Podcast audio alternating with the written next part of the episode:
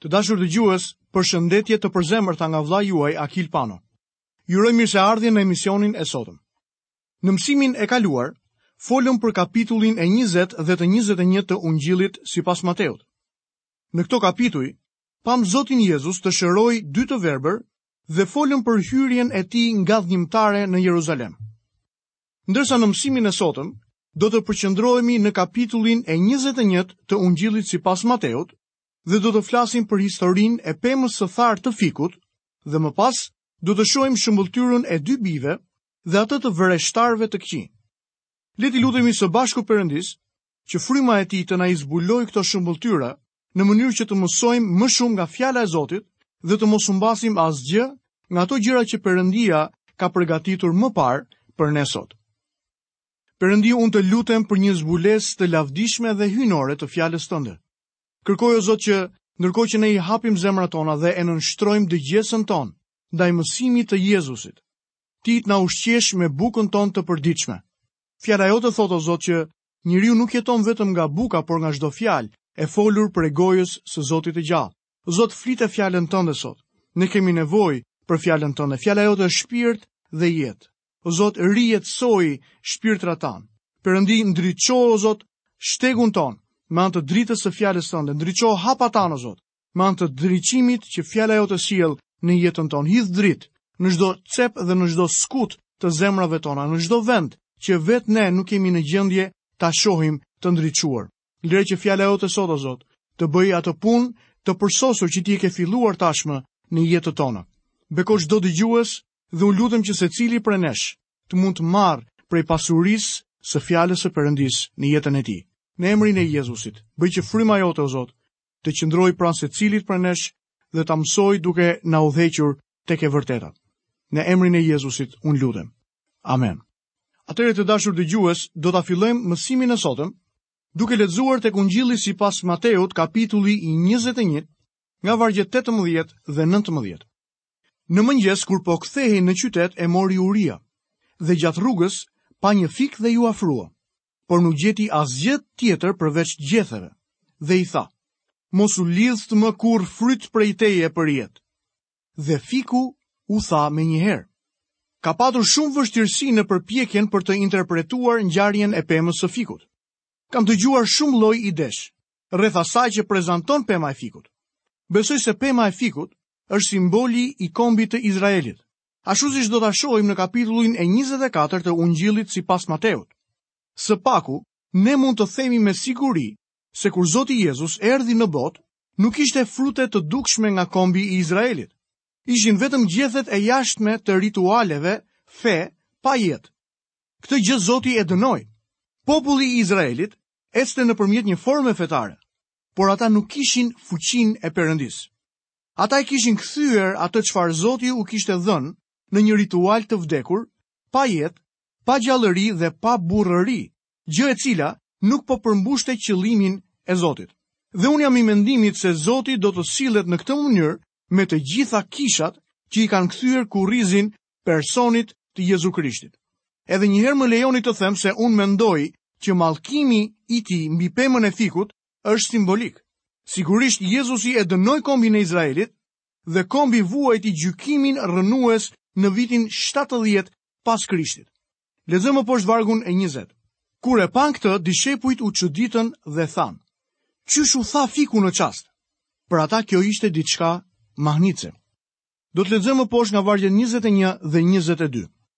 Dhe Jezusi duke u përgjigjur u tha atyre: Në të vërtetë ju them, që po të keni besim dhe të mos dyshoni, do të bëni jo vetëm atë që unë i bëra fikut, por edhe sikur t'i thoni këtij mali, hiqu andej dhe hidhu në det, kjo do të ndodhë. Dhe gjithçka që të kërkoni në lutje duke patur besim, do ta merrni. I dashur dëgjues, Zoti ynë po u jep atyre një mësim për lutjen. Kur luten ata duhet të kenë besim. Ata u mahnitën që pema e fikut u mallkua. Dhe Jezusi u tha atyre se problemi i tyre ishte se ata nuk besonin se Zoti mund të lëvizte në një mënyrë kaq të mrekullueshme. Sinqerisht nuk mendoj se puna jonë detyra jonë si të krishterë është mallkimi i pemës së fikut. ose lëvizja e drejtpërdrejtë e maleve. Për shumë vite, kam jetuar në jug të Kalifornisë tamam përgjatë kodrinave të malit San Gabriel. Ato janë shumë të dashura për mua. Kurrë nuk jam lodhur me ato. Gjithmonë më ka pëlqyer t'i shoh dhe nuk ka pasur asnjë ditë kur ato të mund të ishin të njëjta në sytë e mi. Tek psalmi 121, psalmisti thotë, unë i ngre sytë nga malet, nga do të më vijë ndihma. Nuk mendoj se ai lë të kuptohet se ndihma e tij vjen nga malet, për arsye se ai shton më pas. Ndihma më vjen nga Zoti që ka bërë qiellin edhe tokën. Sigurisht që unë nuk shoh nga ato malet për ndihmë, por thjesht për kënaqësi dhe kurrë nuk kam dashur që t'i lëviz ato nga vendi. Mendoj se ka gjëra më të rëndësishme dhe më të mëdha se të lëvizësh male dhe të mallkosh pemë fiku. Të predikosh ungjillin e Krishtit. Të flasësh fjalën e Zotit në mënyrë që shpirti i tij i shenjtë të mund ta përdorë atë. Kjo miku im është një mrekulli. Kur këto buzë prej balte të mund të thonë diçka, që shpirti i Perëndisë të mund ta përdorë për të transformuar jetët e njerëzve, kjo përfshin atë lloj besimi që unë dua. Ne kemi nevojë të besojmë se Perëndia mund dhe do ta përdorë fjalën e tij në çdo moment. Le të lexojmë më poshtë vargun e 23. Këtu Jezusi sfidohet përsëri nga autoritetet fetare. Kur hyri në tempull, krerët e priftërinjve dhe pleqtë e popullit iu afruan ndërsa mësonte dhe i thanë: Me ç'pushtet i bën ti këto gjëra? Dhe kush ta ka dhënë këtë pushtet? Krerët fetarë po bëhen të pakëndshëm dhe shumë të urryer në mënyrën e tyre. Ata nuk po pyesin se çfarë po bën Zoti Jezus. A e vini re këtë? Ata nuk kanë bazë për të mos pranuar mrekullitë që Jezusi bëri. ja pse ata mund të pyesin vetëm për autoritetin e tij. Lexojmë më poshtë nga vargjet 24 deri 26. Dhe Jezusi, duke u përgjigjur, u tha atyre: Edhe unë do t'ju bëj një pyetje dhe në qoftë se ju do të më përgjigjeshit. Unë gjithashtu do t'ju them me ç'pushtet i kryej këto gjëra. Këtu është përgjigja për ata. Pagëzimi i Gjonit nga erdhi? Nga qielli apo nga njerëzit? dhe ata arsyetonin midis tyre duke thënë, po t'i themi nga qielli do të na thotë, përse atëherë nuk besuat? Në qoftë se i themi nga njerëzit, kemi frikë nga turmat, sepse të gjithë e konsiderojnë Gjonin profet. Siç e shihni, krerët fetarë po përpiqen ta fusin Jezusin në kurth duke e vendosur atë në një dilemë, por shohim se Jezusi u përgjigjet me të njëjtën monedhë. Ai menjëherë i vë ata në dilemë. Dëgjoni përgjigjen e tij. Do t'ju tregoj se me çfarë autoriteti i kryej këto gjëra, nëse më tregoni se me çfarë autoriteti Gjon Pagëzori bëri punën e tij. Ishte nga qielli apo nga njerëzit? Sigurisht që nëse ata do të kishin thënë se ishte nga qielli, Zoti ynë me shumë mundësi do të kishte thënë, unë lëviz me të njëjtin autoritet. Kështu që ata nuk mund t'i përgjigjeshin atij në këtë mënyrë. Ata nuk mund ta pranonin se autoriteti i Gjonit ishte prej qiellit, kështu që sigurisht nuk do ta pranonin as autoritetin e Jezusit. Lexojmë vargun e 27. Dhe iu përgjigjën Jezusit duke thënë: Ne nuk e dimë. Atëherë ai u tha atyre: As unë nuk do t'ju them me ç'pushtet i bëj këto gjëra. Ju mund ta ndjeni zhvillimin e tensionit në këtë situatë. Zoti është gati të çlirojë një akuzë të ashpër ndaj krerëve fetarë. Ai do t'u japë atyre një shëmbëlltyrë që i vendos tagrambledhësit dhe prostitutat mbi nivelin e tyre. Akuza e tij nuk mund të injorohet, Zoti është duke lëvizur kundër tyre. Le të lexojmë më poshtë nga vargjet 28 deri 31. Ç'mendoni? Një njeri kishte dy bij dhe duke iu drejtuar të parit, i tha: Bir, shko sot të punosh në vreshtin tim. por ai u përgjigj dhe tha, nuk dua. Por më vonë i penduar shkoi. Pastaj iu kthye të dytit dhe i tha të njëjtën gjë. Dhe ai u përgjigj dhe tha, po im zot do ta bëj, por nuk shkoi. Cili nga këta të dy e kreu vullnetin e të atit? Ata i thanë, i pari. Jezusi u tha atyre, Në të vërtetë ju them se tagrambledhësit dhe prostitutat hyjnë përpara jush në mbretërinë e qiejve. Kjo shëmbëlltyrë ishte një fyerje e tmerrshme për krerët fetarë. Jezusi i krahasoi ata me djalin e dytë, i cili tha se do të punonte për të atin, por nuk e bëri.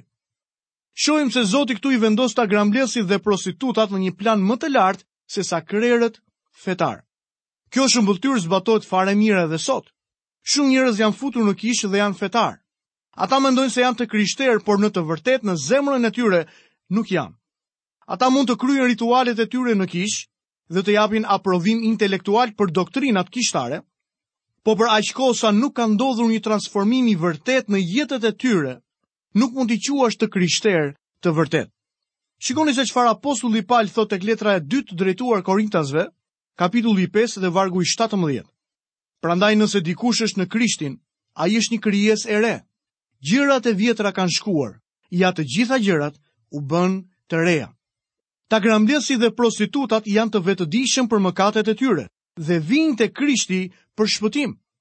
Ata vijnë më vonë në fillim i kanë thënë jo Zotit, por janë penduar dhe më vonë kanë ardhur tek ai dhe ai i ka pranuar. Lexojmë vargun e 32. Sepse Gjoni erdhi tek ju në rrugën e drejtësisë dhe ju nuk i besuat, ndërsa tagrambledhësit dhe prostitutat i besuan. As mbasi i keni parë këto gjëra, nuk u penduat për t'i besuar. Krerët fetarë kanë një fe me zbukurime të jashtme dhe asgjë të vërtetë nga përbrenda. Kur një person pranon Jezusin si shpëtimtar, pjesa e brendshme e tij jo vetëm rizbukurohet, por ajo bëhet e re. Tani para se ata të largohen nga rrezja e dëgjimit, Zoti ynë u tregon atyre një shëmbëlltyrë tjetër. Le të shikojmë shëmbëlltyrën e vreshtarëve të këqij. Në këtë shëmbëlltyrë, pronari prezanton atin Perëndi dhe biri është Zoti Jezu Krisht. Vreshtarët janë një pamje e kombit të Izraelit. Do të lexojmë në kapitullin e 21 të Ungjillit sipas Mateut, nga vargu 33 deri në vargun 38. Dëgjoni një shëmbëlltyrë tjetër. Ishte një pronar shtëpie, i cili mbolli një vresht. E rrethoi me gardh, gërmoi një vend ku të shtrydhte rrushin, ndërtoi një kullë dhe mbasi ua besoi disa vreshtarëve, u nis në një vend të huaj. Dhe kur erdhi koha e të vjelave, ai dërgoi shërbëtorët e vet tek vreshtarët, për të marrë frutat e tij. Por vreshtarët i kapën shërbëtorët e tij. Njërin e rrahën, një tjetër e vranë dhe një tjetër e vranë me gurë. Përsëri, ai dërgoi shërbëtorë të tjerë. më shumë se të parët, dhe këta vreshtarët i trajtuan në të njëjtën mënyrë. Më në fund, ai dërgoi birin e vet duke thënë për djalin tim, do të kenë respekt. Por vreshtarët kur e panë të birin, i thanë njëri-tjetrit, ky është trashëgimtari, ejani ta vrasim dhe marrim si pronë trashëgiminë e tij. Kjo është shëmbëlltyra më e spikatur që Zoti ynë na ka dhënë deri tani. është paralajmërimi i fundit për krerët fetarë. Kur ai thotë në shëmbëlltyrë, më në fund ai dërgoi birin e vet, biri po qëndronte para tyre duke u treguar shëmbëlltyrën. Çfarë do të bëjnë ata me birin e Perëndisë? Ai është duke u treguar atyre se çfarë po ziente brenda zemrave të tyre, pikërisht në atë moment. Lexojmë vargun e 39. dhe e kapën, e nxorën jashtë nga vreshti dhe e vranë. Kjo ishte befasuese për këta njerëz. Lexojmë më poshtë nga vargu 40 deri në vargun e 43. Tani kur të vijë i zoti i vreshtit, çfarë do t'u bëjë këtyre vreshtarëve? Ata i thanë, ai do t'i vrasë keqazi, ata faqezinj, dhe do t'ua besojë vreshtin vreshtarëve të tjerë, të cilët do t'i japin prodhimet në kohën e vet. Tani ai i dërgon ata mbrapa në Testamentin e Vjetër për analogjinë e gurit, për veten e tij. Jezusi u tha atyre, A nuk keni lexuar kurrë shkrimet? Guri që ndërtuesit e nxorrën të papërdorshëm, u bë guri i qoshes. Kjo është vepër e Zotit dhe është e mrekullueshme në sytë tanë. Prandaj po ju them se juve do t'ju hiqet mbretëria e Perëndisë dhe do t'i jipet një kombi që do ta bëjë të japë frut. Është interesant fakti se Jezusi e ndryshoi shprehjen mbretëria e qiejve në mbretëria e Perëndisë.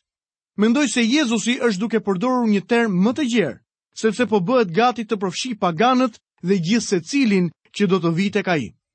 Mbretëria e Perëndisë do t'ju hiqet juve dhe do t'i jepet një kombi tjetër që do ta bëjë të japë frut. Kjo është e gjitha. T'ua heqësh hebrenjve dhe t'ia japësh kishës. Çfarë apostulli Pjetër thotë në letrën e parë të tij, kapitullin e dytë dhe vargu 9.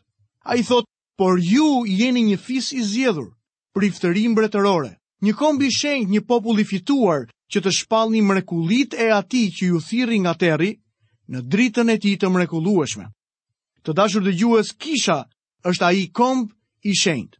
Lexojmë vargun e 44. Dhe ai që do të bjerë mbi këtë gur, do të bëhet copë-copë, dhe ai mbi të cilin do të bjerë ai, do të jetë i thërrmuar. Dhe ai që do të bjerë mbi këtë gur, do të bëhet copë-copë. Kjo thënie ka të bëjë me ardhjen e parë të Krishtit. Ai Jezusi është shkëmbi mbi të cilin është ndërtuar kisha. Çfarë apostulli Pal na tregon te Korintasit e parë, kapitulli 3 dhe vargu 11. Sepse askush nuk mund të hedhë themel tjetër përveçse atij që është hedhur, i cili është Jezu Krishti. Të biesh mbi atë gur, do të thotë të vish te Krishti për shpëtim në këtë ditë të hirit. Të refuzosh Krishtin, do të thosh të lësh gurin të bjerë më vonë si gjykim. Gurin për të cilin Danieli profetizoi në librin e tij, në kapitullin e 2, vargjet 34, 44 dhe 45, e cila ka të bëjë me ardhjen e dytë të Krishtit. Dhe kur krerët e priftërinjve dhe farisenjtë dëgjuan shëmbëlltyrat e tij, e kuptuan se ai po fliste për ta. Ata e dinin se për çfarë po fliste Jezusi.